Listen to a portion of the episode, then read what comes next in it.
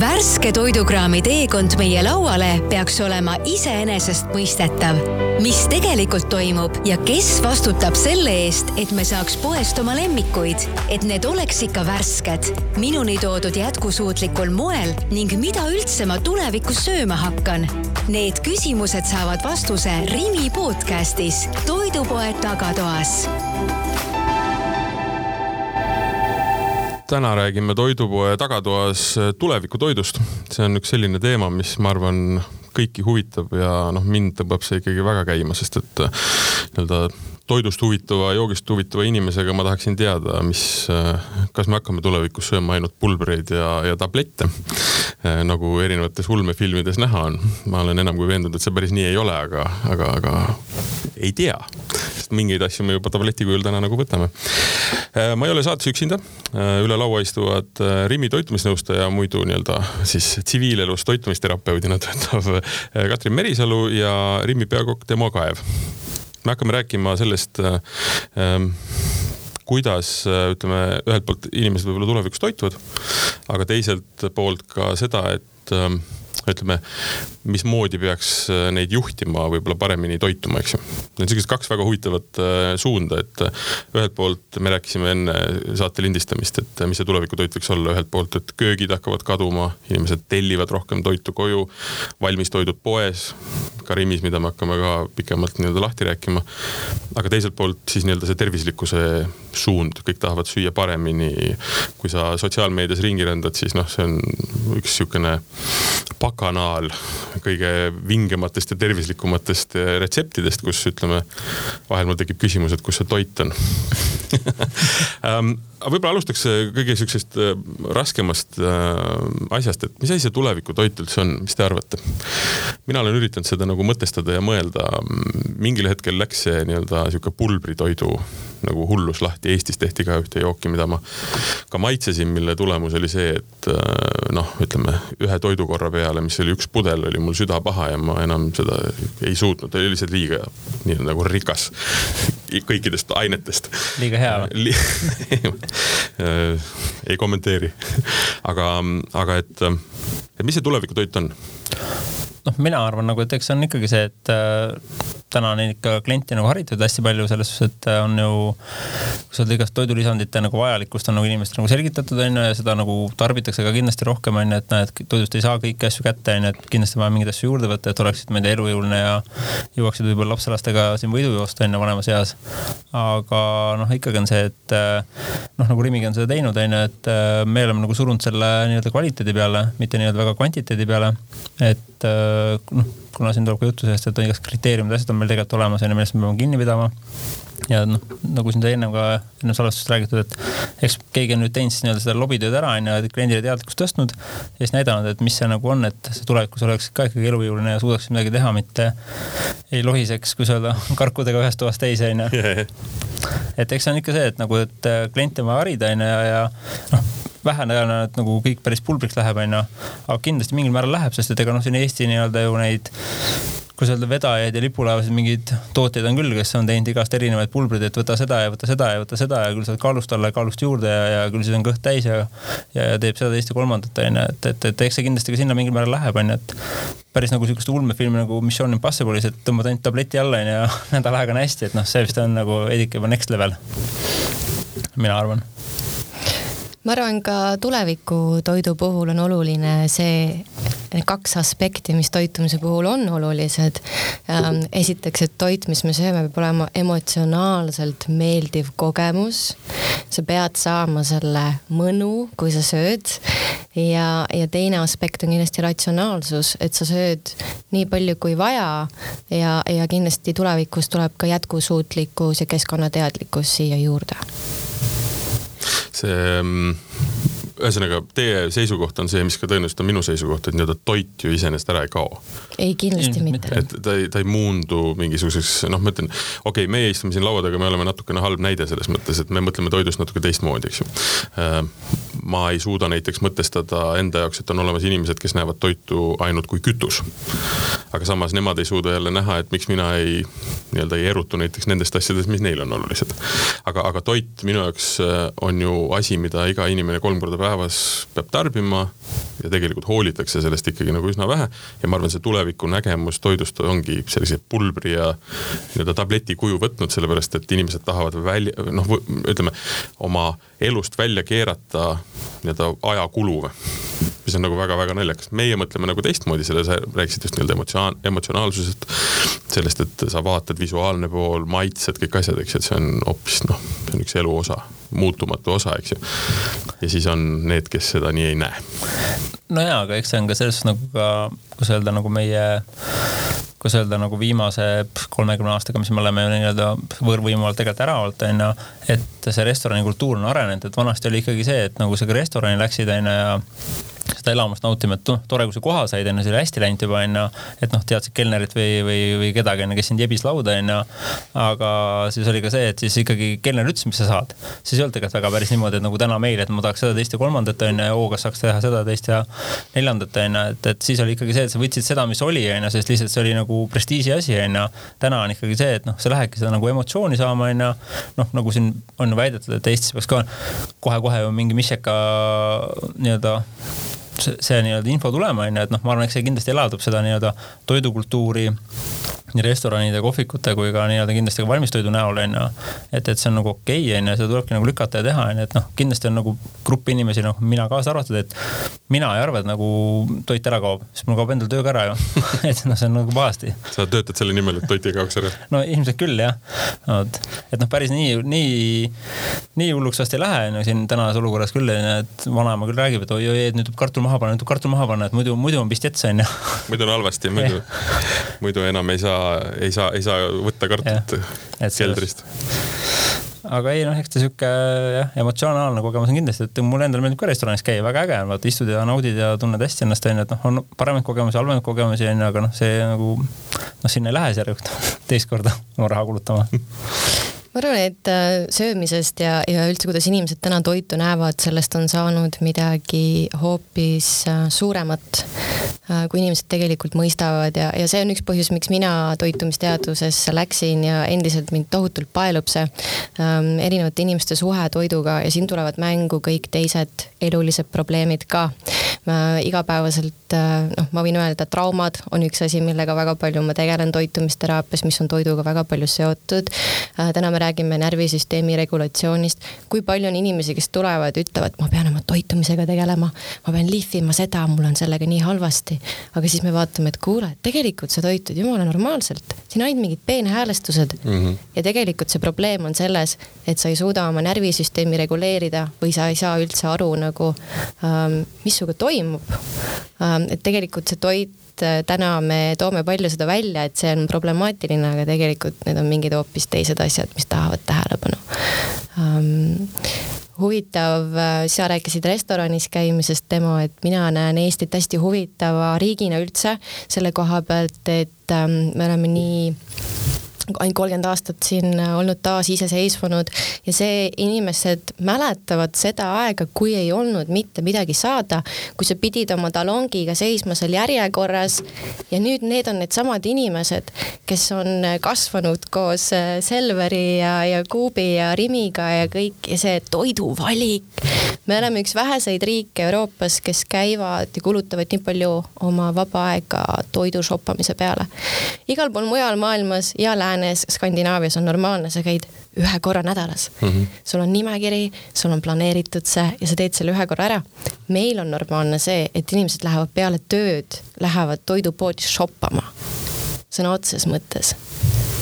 et äh, täitma seda nii-öelda iha või soovi, mis on päeva jooksul tekkinud, eks ju. ja, ja ka seda, et mida võib-olla ei, noh, seda ei olnud, sihukest võimalust ei olnud, nendel inimestel on see meeles. et see on täiesti loogiline, et äh, ka toitumise puhul ma täna näen niisugust trendi nagu ühest äärmusest teise ja see on kindlasti see, mida me peaksime vältima. Defini-, selgita see nii-öelda mõte lahti ühest äärmusest teise. ühest äärmusest teise võib-olla on noh, näit-, number üks näide kindlasti see, kui ei olnud mitte midagi saada ja nüüd see kõik see küllus, mis meil on ja kuidas me nüüd nagu noh, supleme selles ja, ja naudime seda ja, ja kui palju me pöörame tähelepanu ongi nendele elamustele, mis nüüd on võimalikud mm., mida noh, teised riigid tegelikult, kui vaatame lääne poole, on juba noh, sajandeid saanud äh, midagi sellist ja, ja võib-olla toitumise koha pealt siis noh, see küsimus, kas süüa liha või mitte süüa liha, on ju. kas sa pead olema vegan või järgmine hetk sa oled üldse mingi karnivoori dieedi peal, jälle ühest äärmusest täiesti teise või et äh, piim on halb, siis ta ei ole halb ähm,. ja noh, ma võiks nagu jätkata siin on ju ükskõik. rasvast sa ei rääkinud ei, aga see, see on oli ka halb, see on nüüd on nagu hea. hästi õige tegelikult, et äh, see, et see, see küllus on, et noh, kui sa vaatad ka, et noh, Rimi ju tegelikult ka ausalt ütleb vaata ju selle välja, et palju ta annab nii-öelda, annetab ära mingit mm Mhm. -hmm. toitu toidupanka igale poole onju. ja palju läheb siis nii-öelda prügikasti onju. see on nagu meeletu kogus tegelikult onju, aga see ongi seda, et klient on nagu harjutatud sellega, et nagu, et me pakume sulle nii-öelda valikut mm, Mhm. -hmm. sina ainult tule ja nopi ja võta onju ja see ongi, et iga päev sa käid seal onju ja see ongi, et noh, tegelikult ju mingeid tooteid nagu no come on, nagu sa ei saa nagu nädalas viis päeva ostad banaane, nagu palju sa sööd neid kodus siis? et noh, see ei ole reaalne tegelikult onju, et, et see sihuke jah, sihuke see emotsiooni ost on nagu see on nagu ongi sihuke nagu mingid teistes maades inimesed võib-olla jalutavad mööda võib-olla rannapromenaadi onju, meil käiakse, shopatakse lihtsalt kaubanduskeskuses, vaadatakse, mis vägevat on, vaata võtan seda teist, kolmandat, neljandat, viiendat, ise ka samamoodi, et noh, ma ei, ma ei saa väita, et nagu, et ma ei viska külmkapist asju ära. ma arvan, mul mingi hetk ongi, kapis on võib-olla neli leiba onju, noh see ongi see, et no come on nagu, et noh, neid kolme enam ei söö vaata, sest et nagu tuli selle seemneleiva isu onju, võtsin selle onju. ja tegelikult see raiskamine on mega suur siinjuures jälle. et, et ja see ongi see, et noh, et meil ennem ei olnud, nüüd meil on. Eelmine saade äh, Toidupoe tagatoas me rääkisime just nii-öelda toidu raiskamisest ja sellest, äh, kus koha peal see raiskamine tegelikult toimub. ja ta on enamasti, noh ikka suures-suures mahus on see kodus mm. -hmm. et äh, seal ostetakse asjad kokku niimoodi, et võib-olla ei mõelda läbi ja siis äh, ei sööda ära ja siis nii-öelda kõige kaduva teed ta läheb. noh, selles suhtes küll ja noh, samas on ka see vaata, et nagu meie oleme ju nüüd nagu Eesti inimesed on nagu hästi liikuvaks saanud onju, et noh, ka töötavad ju Soomes ja Rootsis ja Norras ja Taanis ja noh, siin nii-öelda Põhjamaades onju, aga noh, samas on minu arust minu pe- peas ei ole kunagi mahtunud see, nagu on see Soome näide, et äh, tanklas on restoran et nagu need abc-d onju, et sa lähedki nagu puhvarestorani mm. -hmm. et nagu tankisin auto ära, lähen perega söön puhvat onju ja siis lähen umbes koju ära ja see ongi nagu normaalne onju. aga noh, see ongi see, et jälle see meie tarbijaid nagu nii-öelda eksitab, et noh, varsti, varsti me üritame ise ka samamoodi ilmselt äh, pakkuda seda võimalust onju. et noh, meil ei ole ju kaugel see või noh, see ongi käes juba täna, kus on ju Circle K-s on mingid toolid olemas, mingid lauad on olemas, kohvi seal nurga juures saad istuda, olla mõnusat aega veeta onju. ja varsti on seal sooja lett onju ja võtadki puhva sealt endale onju, et noh, tegelikult see on nagu nagu jälle see, et kas, kas me peame kõike nagu pakkuma, onju, mida me näeme, onju, et kas see on see vajalikkus, onju. et, et sealt ju tekib jälle mingi sihuke nii-öelda inimeste sihuke noh, suunamine, mõjutamine onju ja, ja noh, see nagu ei kanna võib-olla vilja, vaata onju, et seda ei ole vaja, sealt tekivad mingid muud raiskamised sisse ja siis lõpuks on see, et aga seal on, tahaks ka, tooge see ja see ja teine, kolmas, neljas, viies, kuues onju, et noh, nii see nagu see sortimendi teema samamoodi, et juurde, juurde, juurde, juurde, juurde onju, aga see ongi, et ikkagi müüvad, on näha tegelikult, et valmistatud eriti. hakkliakaste, guljass, kartulipüree onju, need drive ivad kogu aeg, seal ei ole vahet, kas on talv, suvi, on seal, ma ei tea, mis iganes nagu kontingent, kõik söövad seda. et, et selles me, me nagu nuputame kogu aeg juurde ja leiutame onju ja vaja, vaja nagu paremaid ja ja, ja, ja nii-öelda veganitele ja erinevaid mingeid tooteid onju ja siis vaatame, mis turul on ja peame olema ju konkurentsis ja nii-öelda ajaga kaasas käima. aga noh, samas on see, et ikkagi nagu hakkliakaste ja kuljass varjutavad nagunii kõik teised tooted ära, seal ei ole mingit küsimust.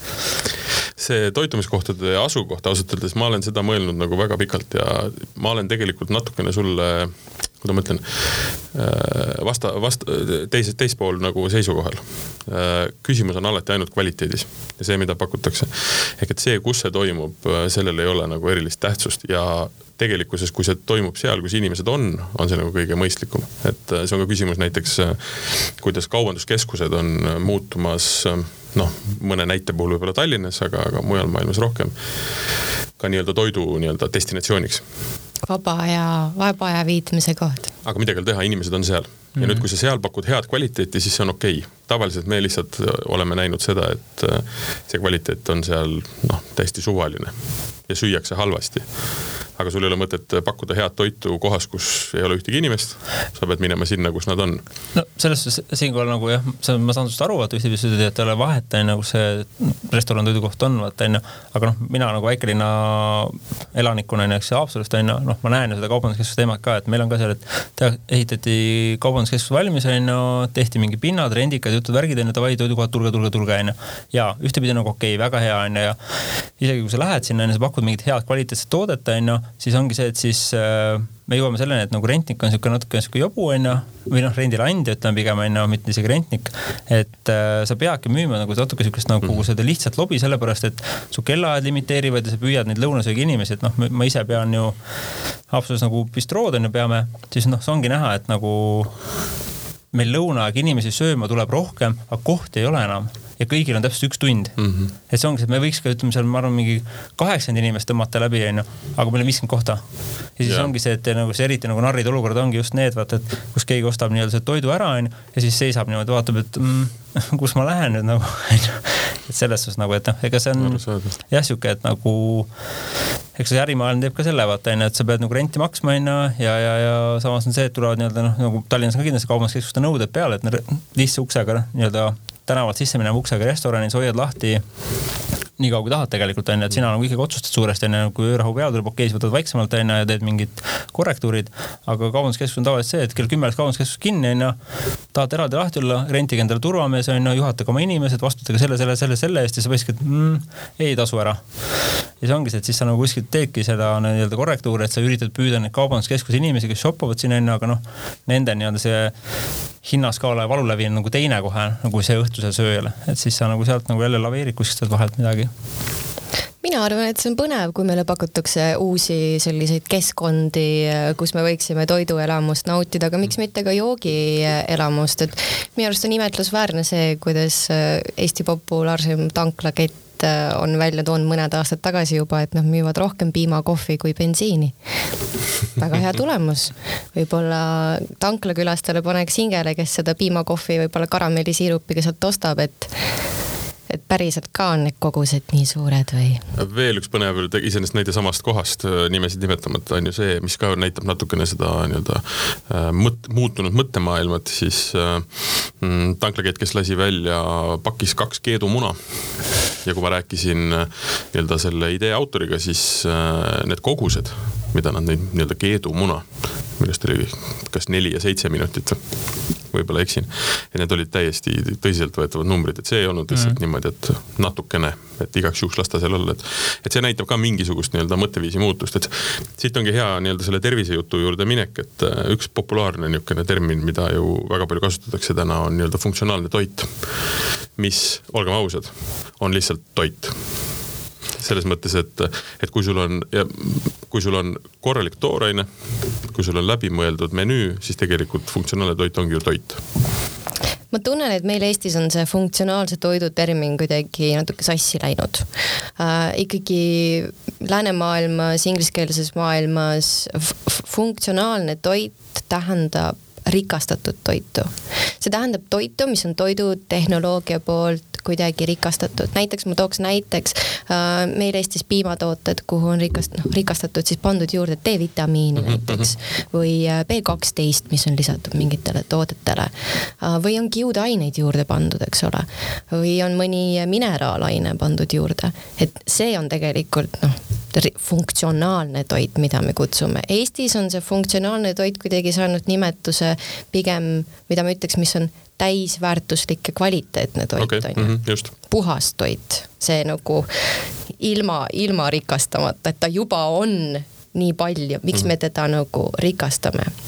Ehm, teisipidi saab seda vaadata ka niimoodi, et äh, funktsionaalne toit on see toit, mida ma söön selleks, et saavutada midagi noh, ma olen, ma ei räägi ainult spordist, kui midagi, mingi aine on kehas nii-öelda miinimumi viidud või, või üleüldse igapäevaselt näiteks on ju. et äh, sa toitud kuidagi selliselt, et mingiks kindlaks hetkeks anda endale mingisugusest ainest nii-öelda noh, suurem siis äh, kas energia või, või, või mõttevõime või nii edasi, nii edasi. vaikus eetris ähm, aga, aga see on jälle hea küsimus nii-öelda toidu tulevikus selles mõttes, et, et kui me räägime toidust, mida on vaja rikastada. kas see põhjus on selles, et äh, see algne tooraine on juba noh, ma ei taha öelda ebakvaliteetne, vaid tema lihtsalt võime kasvada, kust ta tuleb, ei ole, ei anna teda täisväärtuslikuks. või see mõte on selles, et see toit on rikastatud, kuna ta ongi mõeldud inimestele, kellel on defitsiit ma arvan, meie laiuskraadil kindlasti on hea rääkida D-vitamiinist, eks ole, me teame -hmm. et äh, me peame seda juurde võtma, ometigi ma ütlen ausalt, mulle meeldib mõelda, et minu juurde jõuavad klientideks võib-olla terviseteadlikumad inimesed täna ähm, ma võiks öelda et, et nelikümmend protsenti inimestest on D-vitamiini defitsiidis ja need on inimesed, kes tegelikult teavad ja ütlevad ja, ja mul on see kodus olemas, ma lihtsalt noh, mul ei ole meeles võtta teda ähm,. Et kas siis on vaja rikastada D-vitamiiniga näiteks populaarsemaid tooteid Eestis? absoluutselt. Äh, kui me mõtlemegi laste peale, noh, et kui juba täiskasvanu e, unustab võtta D-vitamiini talvel, siis äh, kuidas see sinna lapse suhu jõuab ja kui, kui väga see laps tahab mingit tabletti võtta ja siis ka see koht, et kui väga me tahame lastele õpetada, et me anname mingisuguseid tablette neile et äh, ma arvan, et D-vitamiini koha pealt kindlasti.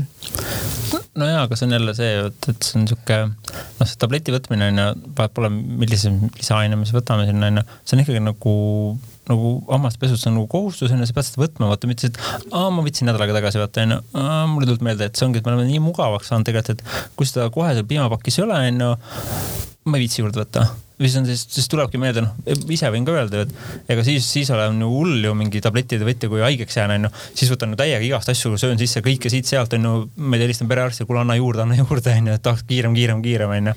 siis ta küsibki, et aga kuule, aga nagu kuidas muidu on, et oled muidu nagu lisandit ka võtnud? ei. ja siis lähed vaatad kappi onju, see ongi kõik asjad on mingi esimese aja üle läinud juba, siis mm, okei okay,, lähevad prügikasti jälle. et noh, eks see on ikkagi see, et me jõuame selleni, et me oleme nii mugavaks läinud ühtepidi.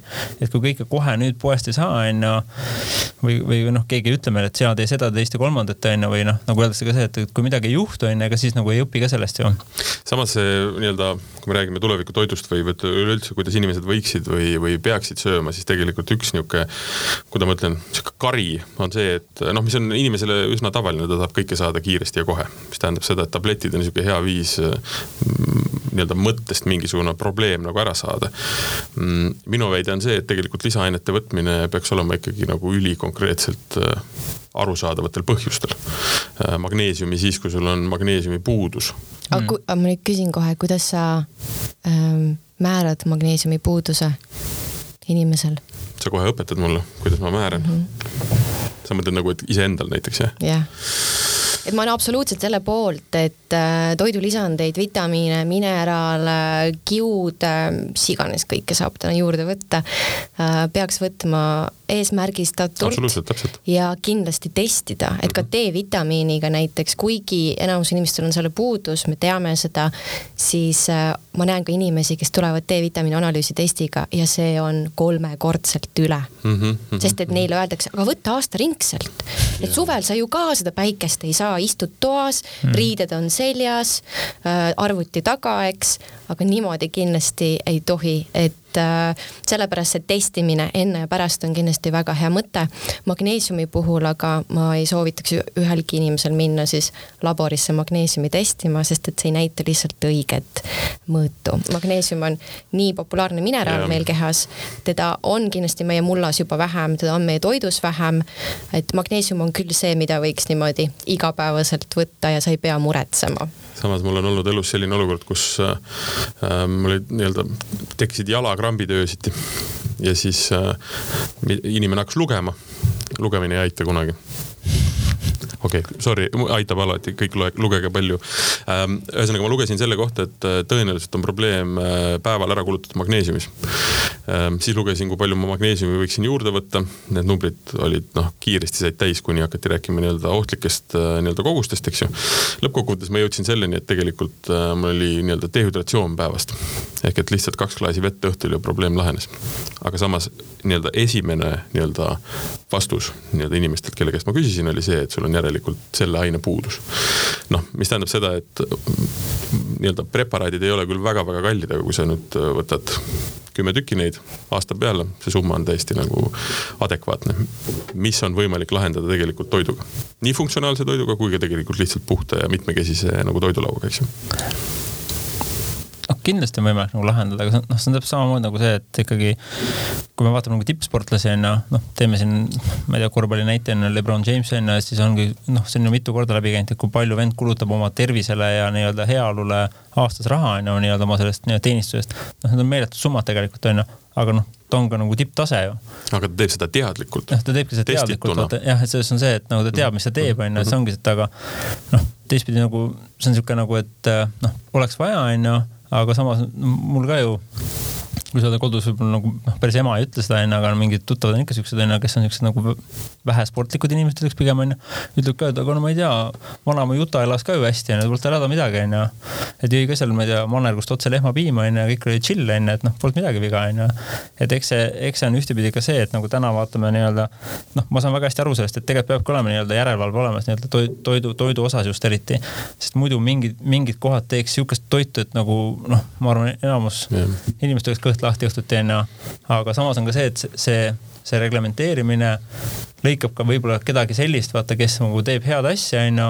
aga nagu sa pead käima nagu mingid asjad läbi kogu aeg ja ajama taga ja, ja toimetama, et, et, et noh, see nagu pärsib, onju, et noh, täpselt nagu resto business'is on ka see, et äh, meil kunagi nagu oli nagu juttu sellest, et, et tootjatel on raske teha restoranidega koostööd, onju.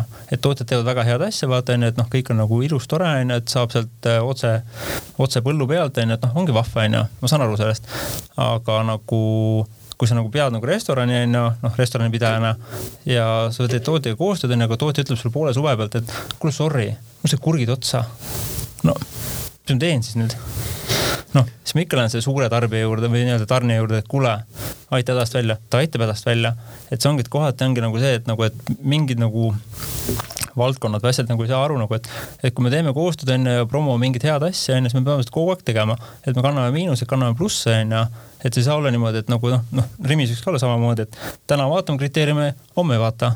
et noh, müügi nimel, müügi nimel, et noh, see ongi jälle see, et, et mida me teeme, siis mis rauda me taome jälle see tervislikkuse pool on noh, ma ütlen, tõin ennegi selle sotsiaalmeedia aspekti sisse, eks ju, et. et iseenesest see on niisugune põnev, põnev koht, kus tegelikult hästi palju on võimalik mõjutada inimesi nii-öelda toituma ja õigesti. just nimelt õigesti on ka ja väga. valesti. ka valesti, absoluutselt, aga, aga mida mina olen tähele pannud, on see, et niisugune mm, äh, kehakultuse kehakultus ei ole kuskil kadunud, aga ta on muutunud äh, Äh, nagu tervislikkuse poole pealt, mis tähendab seda, et enam ei pea olema ülikõhna ega üli nii-öelda mm,, kuidas ma ütlen, nagu vaevatud tänu sellele dieetiline, ütleme niimoodi, inglise keeles siis, mitte eesti keeles. aga täna on muutunud nagu pigem see, et äh, oodatakse või vaadatakse ennast kui nii-öelda sportlikkuse ja ikkagi nagu tervisliku toitumise spektrist läbi. mis iseenesest on nagu, nagu väga-väga oluline mm.. Um, ma ei tea, kui palju seda muidugi jälgitakse nüüd kui palju sellest, kui palju see on täna juba mõjutanud äh, nii-öelda inimesi paremini, paremini käituma või vaadatakse seda ainult kui nii-öelda klantsmaailma? see on huvitav koht, et me noh, mina vaatan seda, kui, et inimesed peavad vajalikuks ennast defineerida läbi toidu mm. -hmm. ja kindlasti see jätkub. Äh, kas äh, noh ma arvan, et äh, ma ikkagi pean seda väga ebaviisakaks, kui tuleb kokku seltskond äh, õhtusöögile, võib-olla kellegi sünnipäev, võib-olla mingi teine sündmus.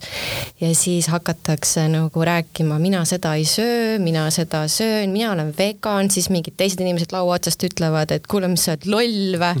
Ähm, et sellised asjad on tohutult ebaviisakad. Ähm, selliseid kommentaare üldse ei peaks kuskil õhtusöögilauas äh, isegi siukseid vestlusi ei peaks pidama. ja, ja kui keegi hakkab mingit sihukest juttu rääkima, siis ma arvan, tuleb lihtsalt nagu kuidagi ära kustutada see vestlus ja minna mingisuguste lõbusamate peolaua, söögilaua teemadega edasi, aga see ei ole koht, kus rääkida oma eelistustest ja oma terviseprobleemidest. aga see muidugi on äh, toidu tulevik, see on ka üks osa sellest tulevikust, et see niisugune spekter, mida inimesed söövad ja kuidas nad ennast defineerivad, see on väga hea, et sa selle sisse tõid, on ju väga-väga laiaks läinud et me näemegi ennast läbi toidu, aga tänu sellele, et kuna see on meie üks iseloom või noh, mitte iseloom, aga see on üks meie nii-öelda põhimõte, siis me peame seda ju kuulutama. ja natuke see käib selle kuulsa tsitaadiga või öelduga nagu koos, et sa oled see, mida sa sööd. ma olen sellega nõus. ma lisaks siia täna veel juurde, tulles nagu sellisest psühholoogilisest kohast. sa oled see, mida sa sööd ja see, mida sa mõtled mm. -hmm. ja loomulikult see keskkond, kus see kõik toimub, tohutult palju mõjutab. aga mm, üks hästi populaarne asi, mis tegelikult eestlasi on nüüd nagu üsna nii-öelda tormina võtnud, on igasugused koju tellimised.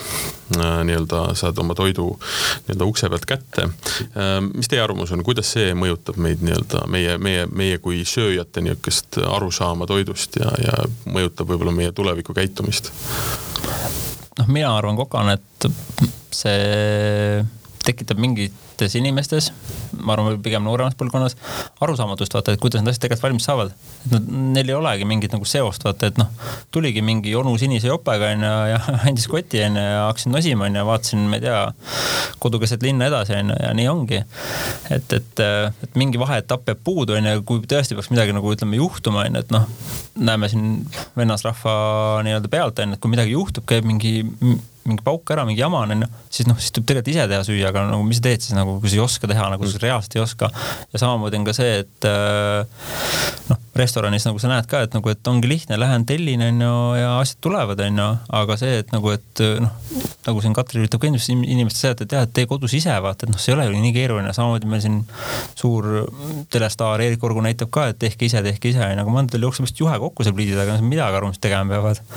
et, et, et, et eks, eks ta kindlasti nagu nagu kellelegi annab ja kellelegi võtab. Mm, -hmm. et see on paratamatus niimoodi selle juures jah ma näen seda kullerteenuste kasutamist üsna ohtlikuna. võib-olla kuna mu enda kogemus on ka koroonast nagu, koroona ajal nagu sai hakatud tellima äh, ja, ja nüüd, kui ma tagasi vaatan, siis ma olen aru saanud, et ma ei ole vist kunagi nii halvasti toitunud kui nüüd see aeg, kui ma olen tellinud Boltist ja Woltist ja, ja kui alguses sai ikkagi selliseid nagu tervislikke asju, noh, okei okay,, mis on tervislik, on ju, see on ka erinev mõiste. minu jaoks tervislik, tasakaalustatud toit on ju, et köögiviljad oleks ja oleks värsket ja, ja valku ja oleks ja rasva oleks, on ju. siis äh, nüüd ma olen nagu saanud aru, et see Wolt ja Bolt on väga kiiresti läinud selles suunas, et mida see klient tahab ja see on ikkagi see purks, friikas, pitsa ja sushi, mis on alla igasugust nagu arvestust tegelikult, ähm, mis tohutult mõrvab minu arust Jaapani kokakultuuri. Ähm, see on päris kohutav et äh, ma ei ole uhke selle üle ja ma mäletan, mul oli just paar päeva tagasi, kui ma tellisin Boltist ja siis see isegi ei jõudnud kohale nii, nagu ma tellisin selle ja ma sain nii vihaseks mm ma olin nagu, et tead, ma põhimõtte pärast ma ei kasuta mitte ühtegi Bolti teenust nüüd. ei tõuksi, ei, ei taksot ja ma ei telli ka, et mis asja, ma saan ise ka selle toidu tegemisega ju tegelikult hakkama. see on tohutu mugavus ja see ekraaniga, ähm, kui me valime neid pilte, mis me näeme siis me oleme ju, see on ju täpselt sellega nagu selle peale mängitud mm. me saame dopamiini, me näeme seda ülirasvast, süsivesikurikast, see kombinatsioon meile juba on nagu nii vastupandamatu. kui sa oled ühe korra saanud midagi siukest, noh, sõõrik on hea näide, eks. kui sa oled juba saanud, siis kui sa mõtled selle peale, sul hakkab juba nagu süljenäärmed hakkavad tööle sellel hetkel sa enam ei, ei räägi ennast ära, et kuule, võta ikka see pokekauss, mis seal oli, vaata, kus oli seitse erinevat köögivilja, onju, vaid sa võtadki selle purksi ja friikad. Ja olgem ausad, kui sa selle nagu õhtul ära sööd, siis peale seda sa vaevalt enam midagi mõistlikku nagu ette võtad. kuigi, mis kõige naljakam on see, et üks väga hästi teatud pokepuul maitseb noh, ütleme teistmoodi, aga kui mitte sama hästi kui ütleme burger ja friikartulid. lihtsalt seesama dopamiini nii-öelda pildi vaatamisel tekkinud reaktsioon on see, mis sind paneb äh, tegelikult äh, liigutama mm.. ja see on ikkagi ähm, suhkur ja, ja süsivesikud, mida sa juba nii-öelda nagu sa ütlesid, pildi vaatamisest hakkad sa aru saama, et kui, mis minuga nüüd juhtuma hakkab, kui ma seda söön mm.. aga mina olen natukene võib-olla, ma, ma, ma sada protsenti mõistan neid ohte, samas teisipidi ma mõtlen niimoodi, et kui nüüd on tõesti võimalik kuidagi järg, me jõuame võib-olla sinna reglementeerimise juurde, eks ju, mis on noh, tõenäoliselt võimatu, aga siiski. et kui valikud on head ja, ja tervislikud, siis tegelikult on eh, võimalik jälle kalibreerida neid inimesi, kes tegelikult selle Bolti põhitellijad on, ehk noored inimesed, kes ei oskagi tegelikult kodus süüa teha. et tema, sa ütled väga lihtsalt, et, et noh, et mis see, mis see kodus süüa, süüa teha on, on ju. sa oled kokk, on ju, mina teen väga palju kodus süüa, sina, äh, Katrin, samamoodi, aga noh, ütleme nii, oskad nuga kasutada, ma eeldan. ja minu jaoks on see terapeutiline just, tegevus. just, et meil ei ole see probleem, aga on inimesi, kes vaatavad nuga ja nad ei saa aru, et mis, kumma otsaga tuleks en, nagu jah, seda. ma tean ise ka siukseid inimesi, kes on nagu, et äh.... aga, aga nüüd on nende valik, kas saada nii-öelda osa nii-öelda toidukultuurist läbi selle, et tuuakse koju ja tuuakse hea asi mm. -hmm. või siis nad söövad lihtsalt, ma ei tea, nuudleid, ütleme mitte millegagi näiteks. see on kindlasti tuleviku teema, et ega see kullerteenused kuskil ei kao ja see mugavus neid toite tellida kuskile ei kao kindlasti. me elame rohkem üksinda, me ei ela enam kolm generatsiooni käed jalgupidi koos, kus vanaema kooris kartuleid ja keetis kondis suppi ja, ja terve pere oli tegelikult toidetud või see oli kuidagi niimoodi hästi nagu tööle saadud süsteem. täna me ikkagi elame rohkem üksinda, on inimesi, kes eelistavadki jääda üksikuks ja vot need inimesed on need, kes kindlasti äh, tellivad rohkem ja need on ka need, kellele meie nagu ägedaid valmistoite välja mõtleme. et äh, sa ei pea tegema kolm korda päevas, olgem ausad, korralik söögi tegemine võtab ikkagi noh pool tundi kuni poolteist tundi võtab aega. et äh, sa ei tee mitu korda päevas ja kui sa ei ole ka see inimene, kes teeb pühapäeva õhtul endale kolme päeva lõunad ja õhtusöögid karbikestesse valmis ähm,, siis äh, valmis toit ja kullerteenused on see, mille poole sa pöördud. ma tahtsin öelda, et lisa sellele veel poes käimise aega just, just. mis tähendab seda, et see lõppkokkuvõttes on ikkagi noh, kui sa ütleme, sa rääkisid, et see on sulle teraap-, teraapiline, minule väga teraapiline. see on see koht, kus ma saan, saan mõelda, kus ma saan natukene üksi olla. ma tihti kuulan näiteks äh, mingeid podcast'e ja teen süüa väga,. väga-väga-väga mõnus mm,. et tegelikult see võtab palju aega mm. -hmm. ja, ja, ja lisaks sellele, et oskused võib-olla on puudulikud, eks ju.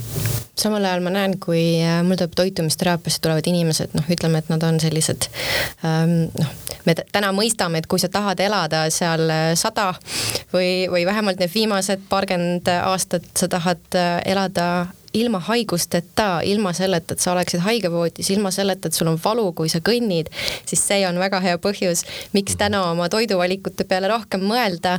et samamoodi selle Woldi ja Boltiga, jah, sa näed seda pilti, sul toimub sihuke dopamiini nagu reaktsioon sellele purksile, friikale.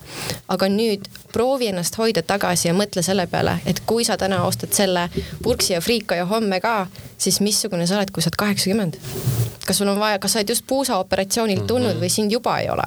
või sa tahad ikkagi joosta oma nende lastelastega ja mängida jalgpalli äh, ja mitte olla, et oi, ma ei saa tulla, et mul, mul on valus, eks. et äh, see äh, hetke mõnu nagu ära või noh, hetke mõju et sa saad aru, et see on hetkeline, see purks mm -hmm, ja friikas yeah.. aga kui ma praegu võtan selle tervislikuma variandi sealt Woldist, Boltist või panen ise mingi salati kokku viiest asjast, et siis seal kaheksakümmend pluss ma elan ikkagi rõõmsamat elu mm -hmm. ilma valuta nojah, eks selle, eks sellega on ka see, et nagu, et noh, meie nagu, kuna me süüa oleme ka teinud onju ja sellega kokku puutunud, me oskame teha neid isegi seal Boltis neid teadlikumaid valikuid onju. aga see nii-öelda tänapäeva sihuke, ma arvan, mingi kakskümmend, kakskümmend viis inimene onju, kes ei ole kunagi süüa teinud onju, võib-olla isegi ülikooli tegi talle ema mingid toidud kaasa onju, et ei saagi aru sellest onju, see ongi see, et noh, ei ole, siis ei ole mingi uudis, et nagu, et ma ei tea, keegi töötas ennast lolliks onju, sellepärast et tuligi, koputas uksele, sõin ära onju arvuti ees, läks edasi, edasi, edasi, edasi onju ja, ja pärast ongi, nad jõuavad ikkagi sinu juurde, et Katri, et äh, aita, nüüd on nii ja nüüd on naa, onju, ja samas on ka see, et noh, see see toidulisandite asi ka nagu tegelikult ju, see on hästi palju nagu äh, üles ehitatud ikkagi siukse nagu, kuidas öelda, nagu soovitusturundusele või võrkturundusele, vaata. Nagu, hirmule palju. sellele ka, aga see ongi see, et kui sa vaatad nagu, et noh, mis on nagu müstiline nagu hästi sihuke nagu, nagu sihuke haiglane näide on tegelikult see, et, et äh, siis kuidas öelda, üks ülekaaluline proua müüb siis oma teistele ülekaalulistele prouadele nii-öelda toidulisandeid ja ütleb, et sööge, sööge, sööge, vaata, see on teie tulevik ja tervis on ju, siis poiss ütleb, et aa, kuule sa ise pole ka võib-olla noh kuutekümmet meetrit jooksid ilmselt võib-olla põhikoolis jooksid vaata viimati. et viimased nelikümmend aastat pole mitte midagi teinud, onju, või siis noh, teine, teine asi on ka see, et noh, meil ju hästi palju toonitatakse see, et, et äh, tahad six-pack'i, toitumine on väga suur osa ja ma saan aru, aga äkki peaks ikka jõusaalis ka käima, et puhtalt toitumise pealt päris ei tule vist. kusjuures ma olen ka seda avastanud, et need personaaltreenerid ütlevad et, et kaheksakümmend protsenti toitumine, mhm. kakskümmend protsenti trenn, siis nad tulevad minu juurde, ütlen, et tegelikult ma ütleks, et noh, toitumine on oluline, aga trenn on lõpuks see noh no,, mis need tulemused toob, mis sa nagu tahad, on ju, et ei ole päris niimoodi, et ainult toitumisega. aga ütlen ausalt, noh, need inimesed, kes tulevad täna minu juurde, siis äh, ja me räägime toitumisest, ütlevad, mul ei ole aega selleks, äh, ma ei oska seda teha teha, ähm, siis me leiame lõpuks selle tee, et äh, söögi tegemine, oled sa üksinda või perega, on enesearmastuse viis mm. sa hoolitsed iseenda eest mm -hmm. ja sa võtad ise selle vastutuse sa ei anna seda sellele Woldile ja Boltile. sa ei anna seda nagu noh, ka see söögikoht, kuhu sa lähed restoranis äh, sa teed selle valiku, sa võtad ja lõpuks sina nagu vastutad. jah, ma tulin siia, okei okay,, toit ei olnud hea või mulle ei meeldinud, aga mina valisin selle koha ja sa lähed sealt edasi sellega. mul on see tunne, et ähm, kõik äh, ütleme, millest me oleme rääkinud, on tegelikult osa sellest äh, nii-öelda tuleviku toidust, eks ju. on need tabletid, on need pulbrid, on funktsionaalsus, äh, on ka need kojuveo nii-öelda teenused ja nii edasi, nii edasi. aga tegelikult lõppkokkuvõttes taandub kõik nagu teadmisele, tarkusele ja, ja arusaamale, mida sa sööd ja kuidas sa sööd sest et äh, näiteks üks asi, mis on veel ähm, ju tegelikult problemaatiline, on see, et väga paljuski ähm, noh, ütleme toidud, mida müüakse poes äh, või ka, ka toiduained tegelikult, äh, kust iganes nad toodud, toodud on, nende kvaliteet ei pruugi olla see, mida tegelikult sa ootad sealt hind on lihtsalt alla lükatud ja sa saad aru sellest, et ei ole võimalik seda toodet teha selle raha eest, millega teda müüakse. mis tähendab seda, et saada naudingut sellest, pead sa sööma teda rohkem mm.. ja see on nii-öelda noh, ütleme juba teist, teistpidi probleem. ja, ja põhjus on, on see, mida tavaliselt öeldakse, et kallim tooraine mul ei hakka lihtsalt nii-öelda rahakott sellele peale või siis ma ei oska tast midagi teha. teisipidi, kui sa nagu viid kodu, kogused balanssi ja vaatad siis nii-öelda neid olukordi, siis tegelikult ega sul rahakotile kulu on praktiliselt sama. sa lihtsalt sööd vähem, aga võit on selles, et sööd paremini. noh, põhiline nii-öelda mahetoidu peale mineku, mittemineku nii-öelda argument, eks ju. et see on ka üks niisugune noh, läbimõtlemise asi, et kas sa sööd paremini ja vähem ja, ja, ja küsimus ei olegi, et sa sööd vähem sa ei peagi rohkem sööma, sellepärast sa saad oma ained kõik kätte sealt, okei okay,, lisad funktsionaalselt mingisugused asjad juurde, mida sa tunned või mida on nii-öelda testidega leitud, et sul oleks juurde vaja. ja tegelikult rahakoti mõttes on need numbrid enam-vähem samad. jälle teadmine, eks ju, katsetamine see on täpselt see, mida me Katriga paar päeva tagasi rääkisime, et see on just see kala teema, et oi-oi, et noh, nüüd on eriti näha, et kus kala hind on pandud niisugune täie hooga lakke, onju. eriti nii-öelda importkala. noh, importkala ka veel eriti onju, aga noh, ega samas ega noh siis kui importkala oli odav, onju, siis äh, valgekala oli kallis. täna läheb valgekala odavamaks, sellepärast et see on kohalik, onju, et nüüd ta võiks tõusta nagu fookusesse. aga see on jälle see, et inimesed ei ole nagu harjunud sellega tegelema ja ei oska sellega midagi teha. aga nagu me Katriga arutasime, Katri ütles ka, et nagu, et tegelik see päevane vajadus kalast on nagu, see on nagu noh, üliväike nagu. kolmkümmend viis grammi, tikutopsi suurune tükk onju. et see ei ole see, et sa pead, pead terve lõhe ära sööma onju, et siis, et siis äkki elan nagu hästi vaata onju, et noh, see ei ole päris see onju, et sa pead seal mingi sada euri magama panema onju. et see ikkagi on jälle see, et see on jälle see, et eh, noh, teadlikkus, seda ei ole nagu pigem onju. siis sealt tekivadki siuksed nii-öelda arusaamatused sisse ja palju, noh, mina olen seda, neid vabandusi inimestelt, miks keegi ei söö nii või naa, noh, see on nagu lõpmatu jada, et loll on see, kes vabandust ei leia äh,. samamoodi, kuidas meil räägitakse, et toit on liiga kallis ja nüüd ka räägitakse sellest aina rohkem ja rohkem oh,, kala, forell ja lõhe, need nagu nendeks mingid ainukesed kalad maailmas on ju. Need on äh, jube kallid, aga peaaegu iga kord me vaatame seda, et äh, inimestel on mingi ettekujutus, et see peab olema mingi kahesaja grammine mingi lõhesteik, mis on nagu taldriku peal. et sellest samast ühest kahesaja grammisest tükist saab mingi nelja-viieliikmeline pere tegelikult söönuks, noh, kui me vaatame ähm, Eesti riiklike toitumissoovituste koha pealt neid portsjone, et inimesed tegelikult ei saa aru, mis need portsjonid on. mul on tulnud ka inimesi äh, teraapiasse, kes ütlevad, et nad söövad ühe päeva jooksul selle kolmesaja või peaaegu viiesaja grammise hakklihapaki ära üksinda et loomulikult siis noh, selle inimese menüüsse nagu need köögiviljad lihtsalt enam ei mahu. et see ongi ainult see hakkliha ja, ja nagu statistika ja uuringud ikkagi räägivad seda, et ka Eestis keskklass on see, kes on kõige ebatervislikum. Ja see, kes ostab kõige rohkem neid siukseid emotsioonoste ja siukest töödeldud toitu, mida tegelikult meil vaja ei ole. ma tooks välja siin noh, kõik, mis on lisatud suhkrutega on ju, need tegelikult toidupüramiidi ei kuulu äh,. sest et meil ei ole mitte ühekski funktsiooniks kehas vaja seda lisatud suhkrut ähm,. et tegelikult isegi need inimesed, kes elavad äh, vaesemalt äh,, nemad on need, kes ostavad äh, kiloga porgandit ja kapsast, teevad sellest midagi väga maitsvat ja nemad on tervislikumad tegelikult oma tervisenäitajate poolest kui meie Eesti keskklass. toidupoe saates äh, on võib-olla sellest äh, nii-öelda no ei ole tegelikult halb rääkida, aga soovitus on ju see, et tegelikult poodi minnes peaks käima mööda seina ääri ehk et seina ääres on nii-öelda päris toit noh, poed on erinevad selles mõttes mm -hmm. ja kuskil hetkel tuleb nagu võib-olla jõnks sisse, aga põhimõtteliselt on see, et ühest seina äärest hakkad minema, tulevad juurviljad, puuviljad, siis tuleb äh, päris lihakala ja siis jõuad piimatoodeteni ja siis on väljapääs. siis on maksmisaeg jah. Ähm, teine asi jah on, ähm, ma olin, hommikul rääkisin ühe kohvikupidajaga, kellega me rääkisime nii-öelda päevapakkumistest, me rääkisime ka kala hinnast ja täpselt see, et lõhe on läinud nii röögatuks ja ta oli pannud menüüsse nädal aega äkki tagasi kodused räimed ta ütles, et sa ei, ta ei suutnud nii palju praadida neid, kui neid telliti, mis tähendab seda, et ja nüüd me jõuamegi tegelikult äh, sinna, millest natuke me alustasime, ehk et ehk et valmis toidus, valmis toidu juurde. ehk et inimesed on valmis tegelikult, ma olen sellega nõus, kala valmistamine on noh, enamus inimestele tundub tuumateadusena. Aga süüa tahetakse Äh, mis tähendab seda, et me jõuamegi selleni, et kui teha head asja, siis tegelikult inimesed soovivad seda Nad ei ole nii-öelda, ei ole ise, ei hakka sellega tegelema, et, et ähm, ma tahakski küsida nüüd seda, et kas ähm, ma arvan, et teie, teie vastus on kindel jaa, eks ju, aga et kas nii-öelda see valmis toit äh, on osa nii-öelda tulevikutoidust või? Sest et äh, miks ma seda küsin, on see, et kui me üldiselt vaatame nii-öelda ringi, siis ta on selline hädatapu sihuke tunne on tal nagu küljes. et ma ise ei viitsi süüa teha, restorani ka ei jõua minna, et siis ma haaran midagi nii-öelda äh, soojaletist kaasa.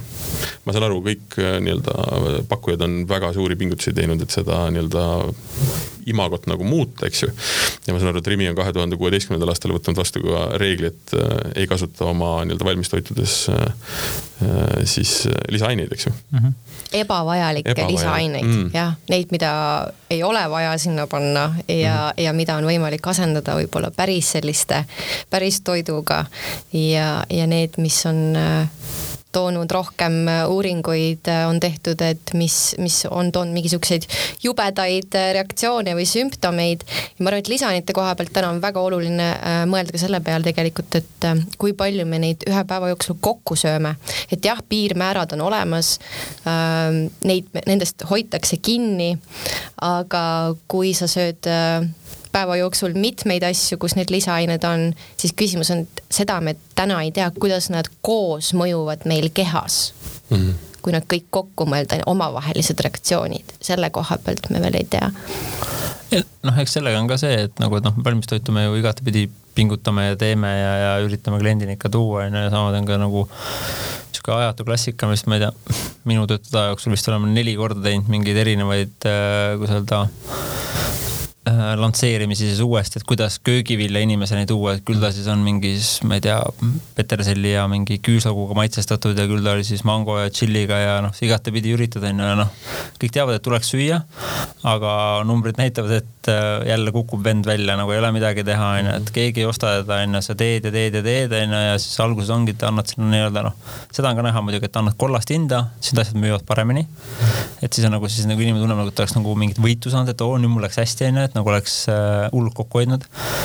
ja, ja, ja siis, kui see kollane hind ära kaob, on ju, siis kaob ka see nii-öelda teadlikkus, et mm, seda ma ei võta. Et selles suhtes, aga noh, samas ma võin ise öelda, et mulle nagu endale äkki mingi aasta tagasi vist või äh,. kunagi kokapoisid onju, kes olid nagu, kellega koos töötasime, läksid siis nii-öelda kaitseväkke onju ja, ja tõid see toidupaki onju. noh, aga see ongi samas nagu see, see pulber ja see kõik vaata onju, et noh, sealt saab ka kõik asjad kätte, sa saad funktsioneerida metsas ja kõik asjad onju, et noh. ühtepidi ongi see vägev ja seal vaatad telekast ongi samamoodi vaata, et ma ei tea. Tom Cruise sõi seal kuskil Mission Impossible'is mingi, mingeid asju onju ja, ja pani rippus edasi. rippus lennuki küljes. pani täiega edasi onju, et noh, selles suhtes, et see ongi see, et eks, eks kõigile tekib see teadlikkus onju, aga nagu seal selles no see kaitseväe toidupakis on ka, et ega seal ei ole mingit nagu, öelda, ma ei tea, naudingut seda süüa seal metsas on ju, et ta pigem on see, et sa sööd ta ära, on ju, ta teeb oma funktsiooni ja, ja, ja siis boost'id ennast seal ikkagi mingite, ma ei tea, küpsiste ja suhkru ja muude asjadega juurde on ju. Et see on see eesmärk, et noh, ise ka ju vanasti, kui sai ju mingi matkatud metsas on ju mingi skaudipoistega koos, siis noh, kondentspiim pidi igal juhul olema kaasas on ju, et noh, see oli ju vägev ja noh, hea ja vaata, et noh, see, et nagu kõik ütlesid, oi-oi, sa sööd, see on nagu suurepärane on ju, aga noh, nagu mingis koguses nagu tekkis natuke paha olla juba et, et nagu niimoodi ei pea ka kugistama seda, et eks see on jah sihuke, et see teadlikkus on ikkagi täiesti olematu ja sa üritad inimestele teha selgeks onju ja. ja selgitada ja tuua lähemale mingeid asju ja siis nagu, et ja võtke, tehke, proovige ja see on okei okay, onju ja. ja, ja kuidagi äh, kliendid nagu nagu ei usalda pigem ütleks mingil määral, ei usalda kaubandusketi toodet nagu. et ütleme, kui seda teeb, ütleme, ma ei tea, seal mingi keegi teine on ju, ütleme mingi eraklient on ju ja teeb mingi head brändingut ja kõiki asju on ju, et siis seda kuidagi usaldatakse rohkem ja siis selle arvelt hakkab ka siis nii-öelda see, mingis hetkes hakkab ka see jaeklient äh, nagu aru saama, et tegelikult võib ka sealt võtta. et see nagu võtab jälle aega sihuke, et aga noh, kui ei ole kedagi, kes nagu nii-öelda tappa saavad ühiskonna ees on ju mingite asjade tegemise eest, siis nagu seda teadlikkust ei teki nagu minu arust on hästi pikalt olnud seda mustamist, et äh, kui on kellegi teise valmis tehtud toit mm., äh, siis midagi on valesti. on ju, et tegelikult me oleme nagu sealt välja kasvanud natuke siukse süütunde või häbiga, et oota, kuidas sa nüüd ise ei tee seda, eks ole, kartulipüreed, et mis asja. samal ajal ma näen, et me oleme ka üle hüpanud mingitest lääne sihukestest asjadest, mis on täiesti arusaamatud. noh, näiteks, et äh, paki seest kartulipüreed on ju noh, pulber pluss kuum vesi, mikrolaineahi, palun kartulipüree. no kas see on päris kartul või on see ikkagi see, mis sa keedad ja, ja, ja seal äh, sõtkud ja teed sellest selle püree, on ju et äh, väga pikalt on räägitud valmistoidust kui midagi, mis on ebatervislik. kindlasti on seal sees mingisugused noh, et vähe nagu äh, päris toiteväärtust, pigem on seal mingisugused kohutavad E-ained, eks ole.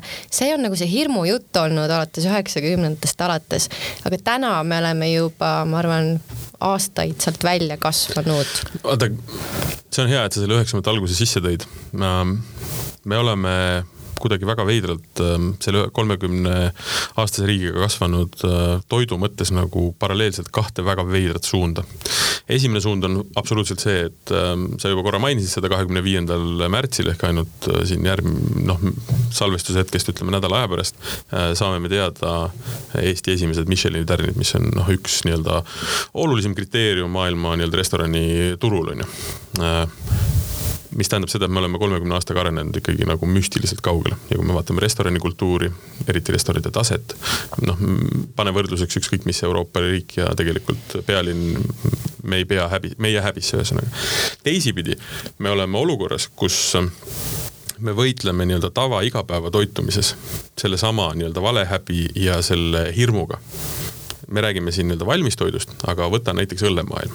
kui sa lased välja joogi, mille nimi on pilsner või pokk, mille kvaliteet on, sorry, ma ei hakka ropendama, aga no kolm punkti, veel kolm punkti ja veel kolm punkti, eks ju. siis äh, inimestele jääbki mulje, et need on sellised joogid. Pilsneri pokk on maailma ühed ägedamad õlled, kui nad on tehtud õigesti ja nad ei ole mõeldud tarbimiseks äh, nii-öelda põhimõtteliselt bensiinikanistrist, eks ju. Äh, ja see on veel järgmistes asjades, võtame Eesti juustu näiteks, no sorry, noh kukub maha, põrkab lauale tagasi, eks ju. maitset tal ei ole, aga ta on lihtsalt maht. nii edasi, nii edasi, mis tähendab mm -hmm. seda, et me oleme tulnud olukorrast, kus äh, kõike on valmistatud palju odavalt ja meil on see mulje jäänud. ja nüüd me oleme selles harjumuses, kus kui keegi teeb nagu päris asja, räägime juustust, see tundub meile võimatult nagu võimsa maitsega kuigi me räägime siin lihtsalt tavalisest juustust maailma mõistes. ja siis me räägime, noh, lähme Rockforti või lähme Stiltonisse, mida ma arvan, Eesti inimene ei olegi võimeline sööma. ta on lihtsalt nagu noh, et, et, et me oleme minu, kuidagi sihukeses jube veidras nagu kahe sihukese liikumise sihukeses olukorras ja selles mõttes ongi hästi oluline hakata muutma, mida tegelikult noh, nii-öelda see õllerevolutsioonist alganud, ütleme toidurevolutsioon või väiketootjate revolutsioon, mis Eestis tegelikult on siiamaani kestab, on nagu väga-väga oluline, et turg on täis sama toote väga erinevaid variante, mis on täiesti normaalne mm.. lihtsalt me nüüd alles õpime ja harjume sellega nagu hakkama saama. et ega see valmis toit tegelikult kuulub täpselt sellesse samasse nii-öelda jadasse, mis täna võib-olla on veel ikka nagu siukses noh, arusaamatus olukorras, kus inimesed ei vaata ta poole nagu, nagu liiga positiivselt. siukse hädatapuna, nagu ma ka enne ütlesin, eks ju. noh, eks see on vist ka see, et nagu me oleme ka selle mõistega ikka vaata, vaadanud oma nii-öelda Euroopa, kuidas öelda siis nagu teisi sõpru nii-öelda Euroopas onju. tuleb võtta halduvõttu. aga täna on nagu see, et nagu, et ei ole mõtet enam teha kuskil mujal kellegi juures mingi halduvõtuna. et pigem tee ise, tee väga hästi onju. ja noh, ja teine asi on minu meelest see, et see toiduvärk, et kuidas see nagu inimesi nagu mõjutab hästi palju, et noh, alles, alles oli siin äkki pool aastat tagasi või mis oli, kui Pealtnägijas oli see äh, laste kooli pudru teema onju. et, et oli arusaamatu, et kuidas pudru sai maksta a la mingi üks sent onju, et, et laps tuli, sõi, sõi putru ja sai ühe sendiga selle, kuidas see võimalik on, mis seal sees siis on, no mis seal sees siis on onju. ja see oligi see ja siis nagu imestati, et aga keegi teeb seda, keegi teenib selle pealt, onju, et, et noh, ilmaasjata seda ei tehtaks, onju, ja see oligi see, et noh, oligi kolm putru nii-öelda, kriteeriumid on paigas, onju, aga nagu kuna kui seal sellest tasu on nii väike, onju, siis ongi siis nii-öelda ettevõtja mõtleb ju mingid lahendused välja, see oligi pudruveega, pudrupiimaga ja pudrumoosiga vist või kui see oli mingi väga segane mingi süsteem, onju. ja lapsed tulidki, aga see ongi, et noh, kui nad sealt saavad juba nagu kehva toodet, onju, noh ikkagi vaadates Eesti nii-öelda noh, just seda keskklassi, suur, suurt äh, tarbijaskonda inimesi onju, et siis ongi see, et noh, et ei hakka kodus sööma, viin su lasteaeda, seal sööd putru, hommikusöök onju, jutud, värgid onju. noh, nii ongi, aga sealt tekib juba lapsele nagu arusaam, et aa, see ongi siukse maitsega, peabki olema onju, et noh, mul nagu endal ka, mul on nagu väike õde onju, ta on, nüüd ta on vist üksteist, kümme, üksteist onju. ja siis ongi see, et aga mingid tooted ta ei söönud mingi hetk lihtsalt sest et nagu see oligi, et nagu toodigi koju võib-olla noh, teeme siis nagu lihtsalt lihtsa näite, et toodi mingi kalatoode koju onju. aga noh, see oligi massitoode onju, nimesid ei nimeta onju. ja siis mingi hetk mina tõin nagu ütlesin ja et noh, seda tegi nagu noh, ma tean, kust on tulnud, kuidas see on tehtud ja mis see kvaliteet on onju. et proovi seda onju, ei, ma ei taha enam mm -hmm.. noh, ta rikub juba ära selle vaata onju ja see ongi see, et see tulevikus ongi nõus sööma seda burgerit, friikat onju, makaroni juustuga onju ja see ongi okei okay, onju. sest need, need on alati ühesugused mina olen kardinaalselt näiteks selle vastu, et äh, restoranides on äh, laste menüü oo ma vihkan lastemenüüd. me võiks nagu riigiliselt ära keelata selle, sest et see on kohutav, mida me õpetame oma lastele. ise sa võtad mingisuguse, lähed restorani maitseelamuse pärast, eks. sa tahad olla üllatatud, no see on põhjus, miks mina vähemalt käin. niikaua, kuni ma võin kodus seda teha, siis ma teen kodus. kui ma lähen restorani, ma tahan, üllata mind, too mulle midagi erilist. ja siis ma võtan lapse kaasa sinna ja tal ja meie laste menüüs endiselt on kolm asja. friikartulid viineritega, kolm kurgiviilu võib-olla tomatid, siis on need kananokitsad ja siis mu lemmik, koorepasta kanalihaga. nagu see on kõige tasakaalust nagu, see on täiesti tasakaalust väljas ähm,. ja siis sa ise kõrval sööd mingisugust viimase aja leiutist, onju mis mm. annab su maitsemeeltele nagu kogemuse, viib su võib-olla kuskile, ma ei tea, ilusasse kohta nagu täiesti kogemusena. ja siis su laps sööb kõrval friikartulit ja viinerit. oota, kuidas siis, kuidas seesama laps läheb aastaid hiljem täiskasvanuna mm, -hmm. ta läheb restorani, ta tahab ka friikartulit ja mingisugust äh, sedasama kana või, sest et ta ei ole nagu õppinud. et kui sa lähed restorani lapsega siis äh, palun võta täiskasvanute menüüst midagi, mida ta saab kas äh, näppudega süüa või midagi, mis on värviline ja ma väga kutsun üles kõiki Eesti restoranipidajaid, palun mõelge välja niisugune lahendus, et teil on sellest põhimenüüst saab tellida väiksema portsjoni, näiteks äh, pool sellest te kõigil läksid näod väga hapuks siin mu stuudios, ma vaatan. aga see oleks ideaalis see, et lapsed äh, õpivad eeskujuga, et kui sa näitad neile eeskuju, siis ja. nad äh, ja kui esimene kord ei lähe, ei lähe läbi, teine kord ei lähe läbi, sa ei anna alla, vaid sa nagu teed edasi seda asja. mul on. ja, aga noh, siinkohal nagu noh, mina nagu restoranikokana ka ikkagi ütlen seda, et nagu noh mingid inimesed on kuidagi, sa mõtled nagu, et halloo, nagu mis su peas toimub nagu, et küsid, et kas saab pool portsu, põhimõtteliselt kotletti või? teen pooleks, aga keegi teine peaks ka teise poole võtma, et siis ma võin muidugi teha, onju, et noh, mingid asjad on, et noh, see lastevärk on see muidugi hästi nagu paigas ka minu meelest ka, et et äh, restorani pidaja teeb ju menüü sellepärast, et ta tahab nagu oma klientidele või siis nii-öelda külalistele pakkuda mingit nagu elamust ja mingit äh, noh, mingi vau-efekti onju. ja siis nagu noh, on kahte sorti inimesi, no ühed need, laste menüüd polegi, lähme ära onju. või siis on nagu teine kontingent nagu minu meelest sihuke fantastiline nagu grupp inimesi. sa tuled menüü, äh, tuled nagu restorani onju, sul on menüü ees onju, sa loed kõik toidud ära ja siis küsid teenindaja käest, et ma võtaksin selle lõhe, aga ma võtaksin sealisandid, siis selle makaronide juurest oleva kastme onju ja siis pange äkki kartulit ka natuke juurde, pange friikaid juurde, siis peaks, et halloo, mis tuled siis siia. et tee siis kodus oma sihuke specialty endale onju ja, ja siis lõpuks jõuamegi selleni, et nagu, et okei okay, mingid kohad on nagu nõus tegema need specialty'd onju, sa teed selle ära onju, aga sa küsid ka selle eest mingit teise hinna onju, siis ütled, aa miks ma rohkem pean maksma, ma sain ka terve prae. halloo nagu specialty on specialty onju, et noh. see on jah, aga see menüü, laste menüü peaks olema selline, et äh, ta on nii-öelda jah päris menüü peegeldus, võid mõned asjad ära võtta, selles mm -hmm. mõttes tõesti. miniatuursem versioon. kas mini, ja ühelt poolt miniatuursem, aga teine asi, noh, tõenäoliselt on seal menüüs ka asju, mida võib-olla lapsed lihtsalt ei söö maitse pärast, noh, nad ongi. ja, ja tšilli või mingi no,. koriander või mingid asjad. ja, aga noh, see on maitsestuse küsimus, aga ka tegelikult tooreinid on sellised, mida võib-olla ei, ei, ei, noh, lihtsalt ei sobi või mitte ei sobi, aga ei, ei taha süüa. aga mul. see ei pea olema nagu nii keeruline ka, ma ei, toon selle koorepasta nagu variandi onju.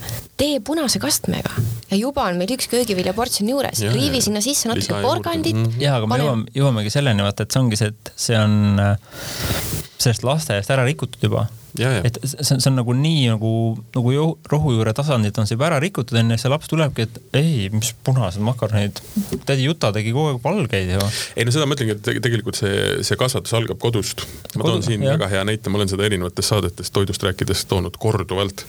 Äh, me olime sõbra juures külas, ähm, istusime laua taga köögis äh, ja järsku tuli tal, ma arvan, ta oli vist kolmeaastane poeg, võttis äh, tooli, lükkas selle kõigepealt sahtli juurde, võttis sealt ähm, kahvli, siis lükkas selle sama tooli külmkapi juurde, võttis sealt purgi silmu. tuli meie juurde, istus maha, hakkas purgis silmu sööma. Absoluutselt ekstreemne näide, ma ei ole ka nii suur silmu fänn, et ma seda niimoodi teeksin. aga see oli küsimus selles, et tal ei tulnud see mõte pähe või, või tal ei tekkinud see mõte silmu süüa, vaadates, mis külmkapis on mm.. külmkapis oli ka muid asju, aga see on harjumus. samamoodi on tomatiga, samamoodi on väga, on kalaga, kõikide asjadega, et, et kui sa ei lähe lastega nii-öelda lihtsama vastupanu teed, harjutad nad kogu läbi nii-öelda elu olema mitmekesine, siis tegelikult see lõpetab, lõpeb ka sellega, et tegelikult sa oled ka täiskasvanuna noh, nii-öelda äh, toitud normaalselt. ja kui me ütleme, me räägime siin tulevikutoidust ja võib-olla tervislikust toidust ja sellest, kuidas kõik, mis võiks olla see ideaalne olukord, eks ju, aga alustame sellest, et võiks lihtsalt kasvõi esiteks mitmekesiselt juba süüa, on ju. noh, see on täpselt see nagu, et tegelikult kui täna nagu vaadata, on ju, et kas sa lähed sööd, ütleme lõunaga mingi päevaprae kuskil on ju, sul tuuakse see lauda on ju, et just on see noh, see, see restorani tunnetus on ju, et sul tuleb see vesi ja leib ja nuga ja kahvel on ju ja see on see nagu emotsioon on ju ja pluss siis nagu haritus on ju. või siis on see, et sa lähed, võtad, noh, tegelikult ei ole suurt vahet enam, et kas sa võtad mingi Big McCain on ju, suure koka on ju, friikad ja ühe kastme. see summa summarum on sama tegelikult, aga see ongi see, et noh, täna ma lähen, noh, selles ei ole midagi halba on ju, täna ma lähen söön seal neid äh, burgereid on ju järgmised viis aastat on ju, aga võib-olla üks päev ma satun tõesti siuksesse, ma ei tea, positsiooni või kohta on ju, kus ma pean minema kuskile nagu restorani, siis teistpidi nagu sihuke nagu, nagu ontlik nagu olla seal nagu sihuke nagu tola, et oi-oi, et siin on nagu lusikas ja kahed kahvlid, kahed noad, mis teen nendega, et ma nagu kogu aeg söönud ühega, et noh. et noh, ma, ma just hiljaaegu nagu nägin sihukest kogemust tegelikult ise onju ja tundsin nagu, et kus nagu saadi aru nagu, et noh, nad ei ole käinud, nad ei tea. ja siis tekibki see error nagu, et noh, ja siis tuli see nagu täna see meil Eestis on ikkagi see restoranis see popp on niisugused noh, peenemates restoranides, et kokk tuleb lauda, räägib ära, mis taldrikul on, kuidas kõige paremini kombo maitseks on ju, mismoodi on ju, et tuleks süüa ja alustab, ma ei tea, vasakult paremale või paremalt vasakule on ju ja. ja nii on ta kõige nagu ägedam ja tema nagu see noh, koka puhul ka nagu, et see, et tema loomingut vaata, et sa ikkagi nagu sööd niimoodi nagu vaja, mitte see, et songid ära seal onju, et noh, kõhus läheb kõik segamini, et noh, niikuinii läheb onju, et siin ei ole vahet. aga just see, et noh, see on siuke nagu kultuuriteema asi, et noh, ega meil ei ole, et noh, vanasti ma ei tea kolmkümmend aastat tagasi vist see oli koolis ikka äkki, äkki isegi õpetatud, noh, mina ei ole nii, nii vana laps onju. aga siis oli mingi etikett ja mingid siuksed asjad ka koolis olemas, et õpetati ikkagi siukest basic ut vaata onju. et kui sa ka sattusid restorani, siis sa teadsid onju, et mis on, et milline viinapits välja, mis on nagu see pokaal, see pokaal ja mille jaoks need mõeldud on, et siuksed nagu basic ut oli ka, et me mingitest asjadest oleme sujuvalt üle läinud onju. sest me saame tellida ju Bolti, Bolti koju endale onju ja onu andis koti ja söön otse pakist onju, that's it onju, kõhus läheb segamini tuleks siia lastejutu juurde tagasi, et äh, jah, vanemad on need, kes õpetavad ja, ja vastutavad, aga tegelikult see, kuidas meil täna turundatakse toitu, see on ka ikkagi probleem mm. kui lasteaialaps ütleb nagu rühmas aasta enne esimesse klassi minekut, et kanaliha kasvab äh, seal põllu peal koos peediga ja lasteaiakasvataja peab võtma ta käe kõrval, viima teise tuppa ja rääkima, et kuule, et tegelikult ei ole niimoodi. tegelikult noh, kanaliha tuleb, vaata on tibu ja muna ja tibu ja kana ja noh, sihuke asi et see laps saab nagu täiesti võib-olla šoki või mingisuguse lapsepõlve trauma sellest, aga see on ka ju, tuleb üsna palju sellest, et mm, poed ei taha näidata, kuidas tegelikult need asjad käivad, on ju, et, et mm, -hmm. Lapsed, kes kasvavad linnakeskkonnas, nad on väga kaugel sellest äh, teekonnast.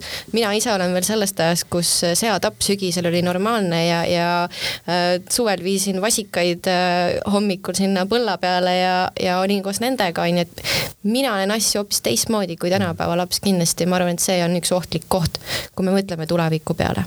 see on väga ohtlik koht, see on hea, et sa sisse tõid, see arusaamatus või teadmatus, kust su toit tuleb, tähendab ka seda, et sa ei oska teda respekteerida, mis tähendab seda, et kui sul on loom, mis on ikkagi sinu heaks andnud nagu selle, mis on kõige-kõige väärtuslikum, eks ju.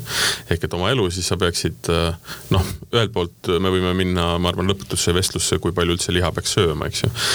kas teda on vaja, kui palju teda on vaja mm,. aga just see, et kui ta on andnud sellise panuse, siis noh, sa peaksid lihtsalt austama seda ja kui sa ei tea, kust see tuleb, ehk et piim tuleb pakist ja poest ja seda ma ei ole kuulnud, et kanad põllul kasvavad peetide kõrval. Äh, noh, et siis sa ei saagi aru, mis see tähe-, mis see tegelikult tähendab. ja, ja, ja, ja sa ei oska hinnata seda, mm, mis, mis su ette on nagu tõstetud, eks ju. noh, see on täpselt samamoodi nagu see, et, et nagu looma näitel, et on nagu tibu ja on seal kana on ju, või seal on, ma ei tea, vasikas ja on seal notšu on ju, et noh, et see on nagu sihuke, et kõik saavad aru, et oi-oi, et noh, et see on nagu paha, isegi kui nad nagu jõuavad ka sinna ja näevad seda on ju. aga ega seal tegelikult ei ole mingit vahet on ju, et seda seda lõhekala hukatakse ka täpselt samamoodi. et kas noh, niimoodi rahvli öeldes on ju, et siis kas läheb kõri läbi või, või, või mingi asjaga lüüakse pähe, täpselt samamoodi läheb see, et seal ei ole mitte mingit vahet, lihtsalt on see, et, et inimeste jaoks on nagu kala tundub nagu okei okay, mm., sellepärast et ta ei karju niimoodi nagu karjub võib-olla notsu või karjub võib-olla vasikas onju.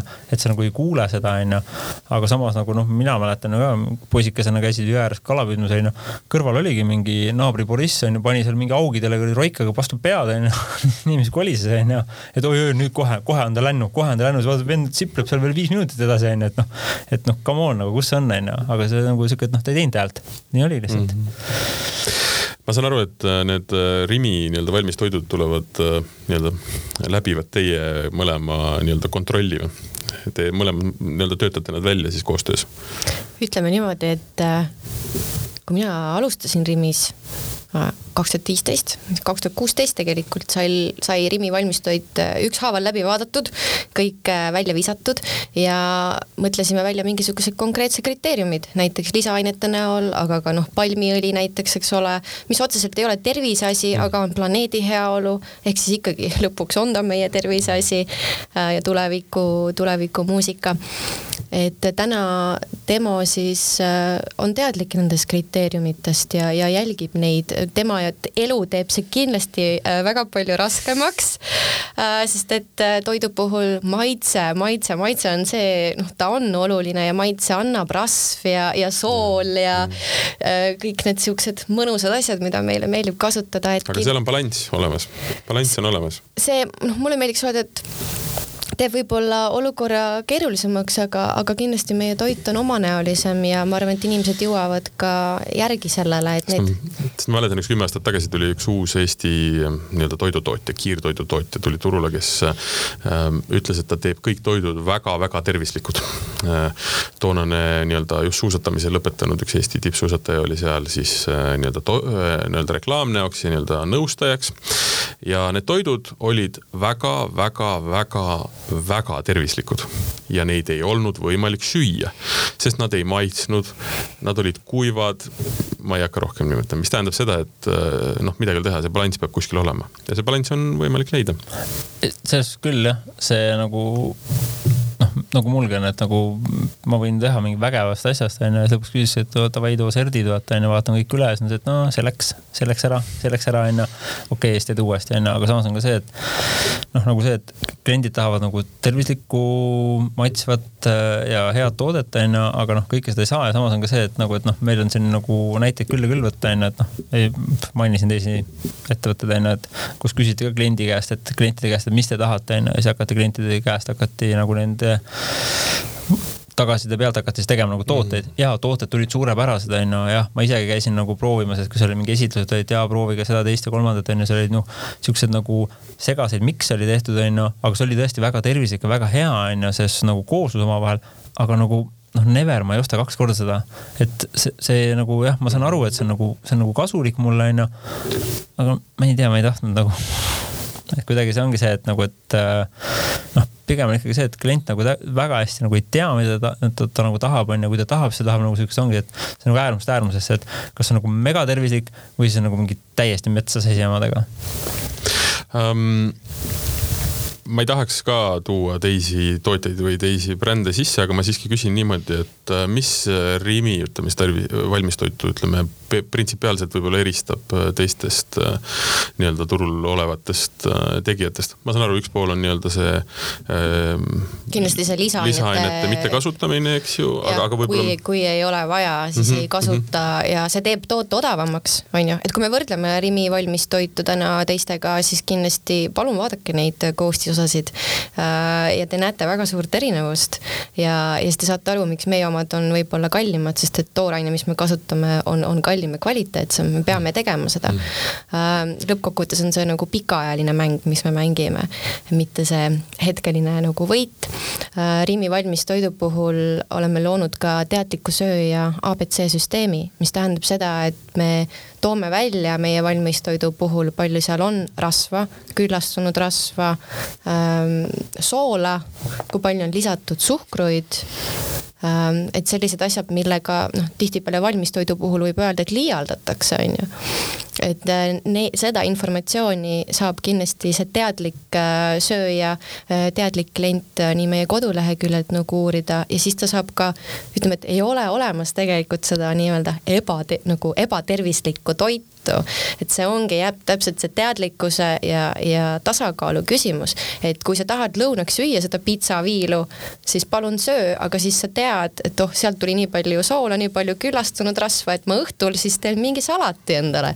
võtan vähe noh, rahulikumalt, ei võta Caesari kastmega mingisugust salatit, onju see on teine näide, mida ma toon äh, tihti, on see, et äh, see oli ka jälle mingi kümme rohkem aastat tagasi, kus ühel kaheteistaastasel poisil kuskil Ameerika Ühendriikides äh, avastati skorbuut, mis on klassikaline meremeeste haigus, kui sul on C-vitamiini või üleüldse nii-öelda tsitruselistest tulnud vitamiinide väga räike puudus. see tähendab seda, et juuksed kukuvad ära, küüned, hambad, noh, nii edasi, nii edasi, eks ähm, otsiti nii-öelda põhjust, miks see võiks nii olla ja avastati, et ema oli toitnud oma last noh põhimõtteliselt McDonaldsist neli korda, kolm korda päevas ja nii edasi, nii edasi. Mm, mis jätab sellest toidukohast hämmastavalt halva mulje, aga see ei tähenda seda, et sa ei võiks seda endale lubada. nagu sa ütlesid, halba toitu ei ole iseenesest olemas, küsimus on lihtsalt äh, nii-öelda moderatsioonis ja see, kui palju sa teda sööd ja mismoodi see üldine nagu äh, nii-öelda sedel välja näeb, eks ju. kui mõelda tuleviku peale, siis äh, ma arvan, et on väga oluline läbi näha ka selliseid korporatiivettevõtete täpselt sedasama reklaami ja peidetud turundust. et kui esimese klassi õpiku lõpus on see Maci kloun, kes on nagu väidetavalt selle õpiku kinni maksnud. halb, ma ütleks. ja olgem ausad, McDonaldsi klientuur või üldse see on üles ehitatud niimoodi, et äh, laps viib vanema sinna, ega vanem tegelikult alati ei tahagi sinna minna mm.. et et äh, mina isiklikult äh, McDonaldsisse oma raha ei vii ja sinna äh, sisse ei astu. Et see on juba aastaid nii, sest et ma läbin lä, nagu nägin läbi selle mm., need võtted, mis nad teevad ja see on minu jaoks hirmus. ja ma loodan, et ka tulevikus inimesed mõtlevad natuke rohkem läbi neid asju, kui et kas see on nüüd tervislik või ebatervislik mulle, vaid et kas me tahame, noh täpselt see, et äh, hääletad oma rahakotiga, on ju. kui sa lähed ka täna toidupoodi, siis palun hääleta oma rahakotiga, mitte ära tule pärast ütlema, et oota, miks ikkagi need asjad seal poes on ja miks te müüte neid. me müüme neid nii kaua, kuni teie ostate neid mm kahjuks nii on jah ähm,. saate lõpetuseks ma tõstan siia laua keskele nüüd ühe klaaskuuli palun teil selle sisse vaadata. see on tänamatu töö, ma tean, aga ütleme, kui oleks ideaalne selline kuna meil teemaks on tulevikutoit ja ta on väga ebamäärane või noh, niisugune määratlematu valdkond. ma arvan, veel pooled asjad jäid meil rääkimata tegelikult noh. ütleme, aeg, ruum, toidutemperatuurid, kaua ta on kuskil seisnud, eks ju, minu enda näljasuse aste, noh, sa tõid selle nii-öelda sõjaväe mm, ratsiooni sisse. olen olnud metsas, usu mind ja ma arvan, sa ise ka tead on võimalik leida meeletuid naudinguid selle söömisest. kõik sõltub järgi keskkonnast, eks ju. aga et kui vaadata, mis see oleks see võib-olla sihuke ideaalne tulevikutoit, millest ta koosneks ja ma ei mõtle nii-öelda nagu võib-olla väga otseselt nagu toorainetest ja toiduainetest, aga, aga just, et milline see, milline see pilt võiks olla, et kuhu me võiksime nagu suunduda või teel olla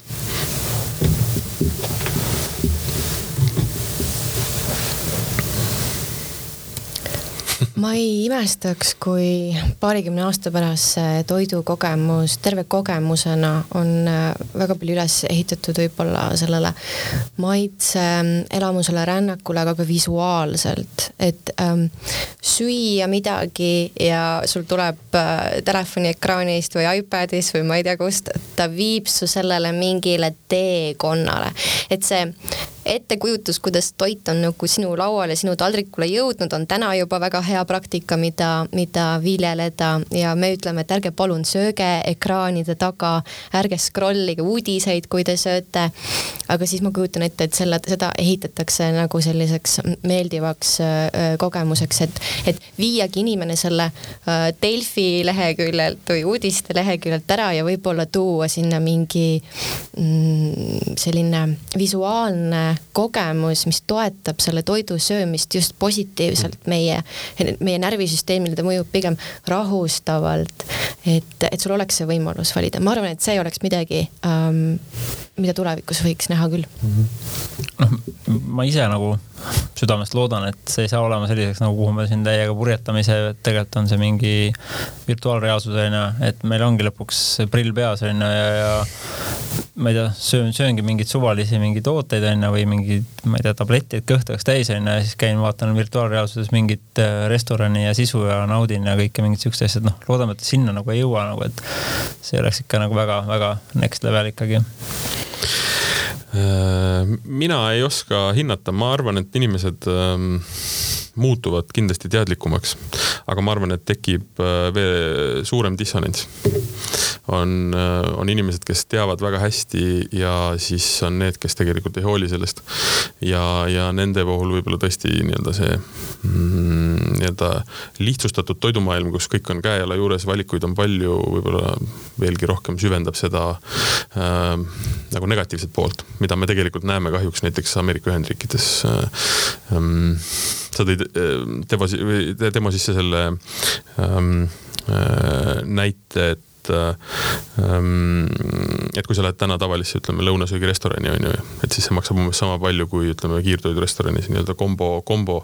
siis tegelikult täna me oleme olukorras, kus äh, no veel on natukene odavam või, või on tõesti sama, aga väga pikalt ja mina, minu väide on, et miks me tegelikult ei ole sellises olukorras näiteks võrreldes samas seisus ameeriklastega, kus äh, ka õhtusöögiks võetakse nii-öelda valik äh, nendest äh, kiirrestoranidest, on see, et meil on ta olnud siiamaani nii väljas söömisega kui tegelikult poest ostmisega ikkagi võrreldamatult kallim aga kui nii, kui sa lähed mm. nii-öelda pikalt olnud, noh, ütleme Ameerikasse, näiteks Austraaliasse, äh, erinevatesse nii-öelda üsna jõukatesse riikidesse, siis need numbrid on noh, kardinaalselt vastupidi. ja mm. seal ikkagi on meie pääseda siiamaani nagu selles valdkonnas olnud, eks ju. aga ma iseenesest vaatan üsna nii-öelda positiivselt tegelikult mis saama hakkab. ma ei usu ka, et pulbrid tulevad, ma ei usu ka, et tabletid tulevad. ma arvan, et äh, pulbrid on tulnud oma võidukäigu teinud ja tegelikult me oleme väljumas sellest ajastust, sest et kui me füsioloogiliselt vaatame, siis äh, äh meie see, ütleme, me suudame seedida ainult mingi teatud kogus mm -hmm. neid toitaineid. kui sa paned oma smuuti sisse seitset erinevat pulbrit, siis sorry, sa tegelikult pissid selle kõik välja aga raha oled sa kulutanud. ja sa saad panna jah. Instagrami ka pildi, on ju, et sa seda tegid. ma arvan, et see tulevik võiks olla variatiivsus, aga peaasjalikult ikkagi tarkus. et sa teed teadlikke valikuid ja see ei tähenda seda, et sa peaksid millestki loobuma, sa lihtsalt valid need äh, lähtuvalt sellest, mm, mis seal sees on, millest see toit valmistatud on, kuidas ja kes selle valmistatud on, see on ka väga oluline. ma arvan, et väga oluline on teada, või et see teadlikkuse tõstmine, see on noh, ma olen Rimis teinud seda aastast kaks tuhat viisteist, ma ilmselt teen elu, elu lõpuni seda tööd, et ma teadlikkust tõstan ja, ja me hakkame nägema seda vilja alles äh, paari generatsiooni pärast. Ähm, see töö kindlasti läbi ei saa ja see on ka see tulevikumuusika, mille, millele nagu mängida no, väga tore. eks sellega on jah see, et noh, nagu öeldakse, et poolteist, kaks põlve läheb ikka aega alati, et mingist asjast välja kasvada mm. -hmm. et, et sinna, sinna see läheb, on ju, ja noh, loodame, et ikkagi noh, mingi suurem osa inimesi ikka saab aru, vaata, et päris ei ole vaja, et nagu nii-öelda kui sa ütled, et robotid teevad mingi töö ära, kuigi juba ka vist mingi viis-kuus aastat tagasi vist oli, tegelikult Youtube'is peaks vist siiamaani ringlema see mingi video, kus Alan Dukas tegi vaata mingite robotite peale tegi retseptid peale ja sealt tulid väga okeid toidud onju, mingi vend pani garneeringu peale ja lõunasöögi kohta väga okei onju, aga, aga noh, see ongi see, et kas me peaksime päris sinna jõudma, kuigi noh, tööstuse näol me ikkagi ilmselt mingi aeg kindlasti jõuame sinna ma arvan, et see ei ole üldsegi halb asi iseenesest, küsimus on jälle koht ja, ja tarvitus. selles mm -hmm. mõttes, et äh, kui see aitab näiteks äh, väga nii-öelda kehva, ütleme siis koolitusega või, või inimvaeses piirkonnas nii-öelda midagi uut pakkuda, midagi teistmoodi teha. ma ei näe selles nagu halba. teine asi on ka noh ähm, mm, noh, seesama, millest me kõik rääkisime, et eh, noh, need pulbrid tegelikult, eh, tabletid, nad ei kao, lihtsalt küsimus on see, kuidas neid tarvitatakse, eks ju. Mm.. Ehm, üks asi, mida me ei puudutanud, mis tegelikult on eh, Eestisse ka otsapidi jõudnud, ongi nii-öelda noh, nii-öelda nagu ghost kitchens või siis nii-öelda, ma ei tea, tondiköök on muidugi väga halb võib-olla sõna, aga siiski noh, et, et, et ühesõnaga kuna sul on väljund mingi platvorm mm, internetis, siis sul ei ole vaja nii-öelda kallist fronti, mis tähendab seda, et sul on vaja toota väga head toitu kuskil kohas, kus on hinnad meeletult madalad.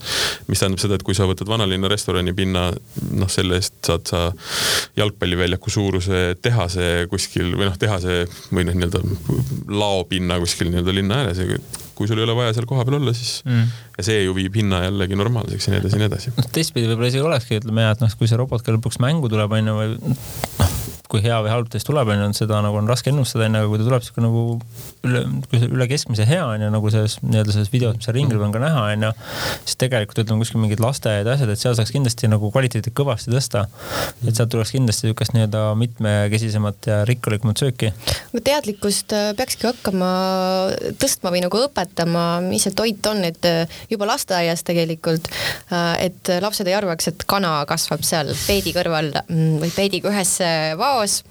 Äh, ja ma arvan, minu nagu selline unistus tulevikutoidule on kindlasti see, et äh, see mm, toiduteekond täna äh, on minu arust hea, kuhu tähelepanu tõmmata, et toit toiduteaduses on nagu üks asi selge, kõik on asendatav tegelikult, kui me räägime toitainetest, et sa ei pea sööma seda kočimarja, mis tuleb Amazonasest või, või toorkakaod, mis tuleb sealt, sest tegelikult see... need, meil on Eestis toidud, mis kasvavad.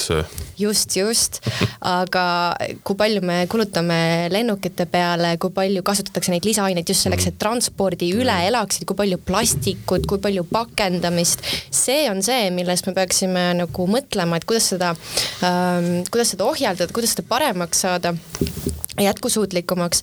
Ja mulle väga meeldib see idee, et selliste suurte institutsioonide katustel, aga ka näiteks Rimi katustel võiksid olla vertikaalfarmid, äh, mis me ka kasutame ära selle pinna, mis juba meil on olemas.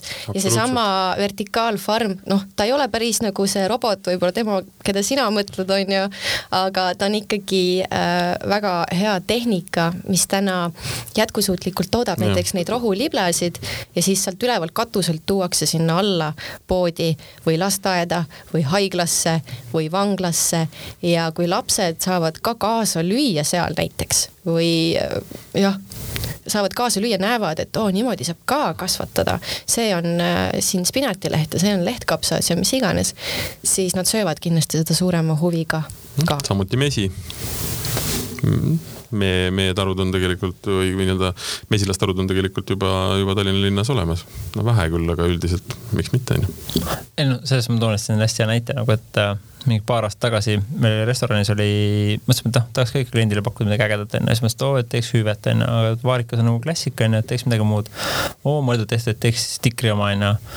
noh, esiteks läks nagu, nagu tegime testi ära, kõik oli hästi onju, siis oli vaja saada toorainet, juba siis oli keeruline, siis öeldigi, et jah, keegi ei osta tikrit, keegi ei taha tikrit mis, mis sa teed sellega onju, noh punnisime selle ühe suve ees ära onju ja oligi väga hästi nagu naljakas on kuulata nagu klientidelt just siuksed nagu ma arvan, seal mingi viiskümmend, kuuskümmend pluss inimesed vaata onju, et noh, sööb seda tikrihüüet seal lauas onju ja räägib temaga juttu onju, ütleb ka, et issand, nii hea noh, noh, et kohe tuleb meelde, et aa jaa, et fuck, et mul oli ka nagu maal oli maakodu onju ja naisega koos raiusime kakskümmend aastat tagasi tikripõõsast välja onju ja pidin kohe uuesti istutama. siiamaani pole istu, istutanud onju ja noh, nüüd ta jäi onju, aga samas tuli meelde kohe see, kuidas nagu sai tehtud tikrikompotti onju ja siis oli hea talvel süüa onju, et noh, et mingid niisugused nagu maitsed tulevad ikkagi tagasi onju ja see ongi see, et noh, tegelikult meil kõik asjad nagu endal ka siin lähedal olemas olnud onju aga lihtsalt me oleme noh, noh ikkagi Euro Euroopasse läinud nii-öelda ju, et kotšimarjad on ikkagi noh yeah., come on, teed Instagrami pildi ja kõik vaatavad, vau. ja üks asi, mis võiks ka veel kaduda, on tõenäoliselt stigma erinevate selliste noh, üldse mm, mingid arusaamad, noh sellest nii-öelda paralleelkvaliteetide nagu tunnetamisest juba korraks rääkisime, aga noh, mul lihtsalt kargas pähe näiteks selline asi, et kui sa mõtled Eestis äh, näiteks kuidas ma nimetan neid nii-öelda mm, auto, noh nende toiduautomaatide või, või siis no mingi snäkiautomaatide peale onju. Äh, aga kui sa lähed äh, Jaapanisse, teisel pool on maakera, siis põhimõtteliselt paned sa raha sisse, vajutad paar nuppu ja sa saad omale näiteks aurutatud kala või saad nagu päris toitu selleks ei pea isegi Jaapanisse minema. no ei pea tõenäoliselt jah. juba isegi lähemalt saab. aga siiski, küsimus ongi selles, et, meie arusaam sellest äh, siuksest väga väiksest nišist on ikkagi see, et sealt tuleb noh, komm šokolaad ja ma ei tea, pudeli vesi, eks ju et järjekordselt üks nagu vaade, kus jõuame tegelikult selleni, et küsimus on ainult ikkagi kvaliteedis ja selles, et äh, tuleb taga ajada seda, mis tegelikult vaja, mida, mida tegelikult toidust vaja on, mitte seda võib-olla, mida on talle nii-öelda ajalooliselt peale kirjutatud või? noh, siin on ka see, et nagu, nagu ise olen nagu näinud seda, et äh, see, mis on Euroopas praegu popp on ju, siis see jõuab meieni ikkagi viitega mingi läheb üks-kaks aastat aega, onju, et meie klient ei võta seda vastu tänavat, et noh, ta ei ole sellega nagu harjunud, ta ei ole seda näinud, onju, ja võtabki aega, onju, et et mingid siuksed on tõesti et aurutatud kala tuleb masinast onju, et noh, see ongi nagu nii next level talle täna onju. et, et selles suhtes noh, võib-olla ta näeb kuskil, ma ei tea, mingi virtuaalmaailmas praegu näeb seda prillidega, vaatab seda, et vau, vägev onju ja seda ei kujuta ettegi, et see võiks olla päriselt, ma ei tea, mingi Circle K kõrval on mingi sihuke masin onju, kes andis mulle aurutatud kala mingi riisi ja mingi vakaamega onju ja söön seda, et um, päris hea onju. et see on natuke next level talle onju, aga kindlasti võib-olla viie-kümne aasta pärast on see kõik täitsa okei okay ja me söömegi nii ja kõik ongi hästi, vaata. et, eks see võtab aega. mulle millegipärast tunne, et me võiksime umbes äh, tunni-kaks ja võib-olla päeva veel rääkida toidust. kindlasti. aga, aga et jääks tei-, järgmisse saatesse ka midagi rääkida, siis ma ikkagi äh, panen selle saatele nüüd punkti äh, Katrin ja Temo, aitäh oli väga põnev rääkida tuleviku toidust. ma arvan, et meil jäid pooled asjad veel rääkimata ja see ongi hästi niisugune lõbus teema, mille, millel ei ole tegelikult üldse, ta on niisugune vormitu. keegi ei tea ju täpselt, mis, mis, mis saama hakkab saade, mida te kuulasite, oli Toidupoe tagatoas, me rääkisime tuleviku toidust, mina olin saatejuht, ajakirjanik Martin Hanson. järgmine saade on meil äh, teemal, mis jätkab nii-öelda sellest tagatoas tuhnimist. mis täpselt seda peate, saate teada siis, kui kuulate järgmist saadet. seniks aga kõike head värske toidukraami teekond meie lauale peaks olema iseenesestmõistetav. mis tegelikult toimub ja kes vastutab selle eest, et me saaks poest oma lemmikuid, et need oleks ikka värsked, minuni toodud jätkusuutlikul moel ning mida üldse ma tulevikus sööma hakkan. Need küsimused saavad vastuse Rimi podcastis Toidupoe tagatoas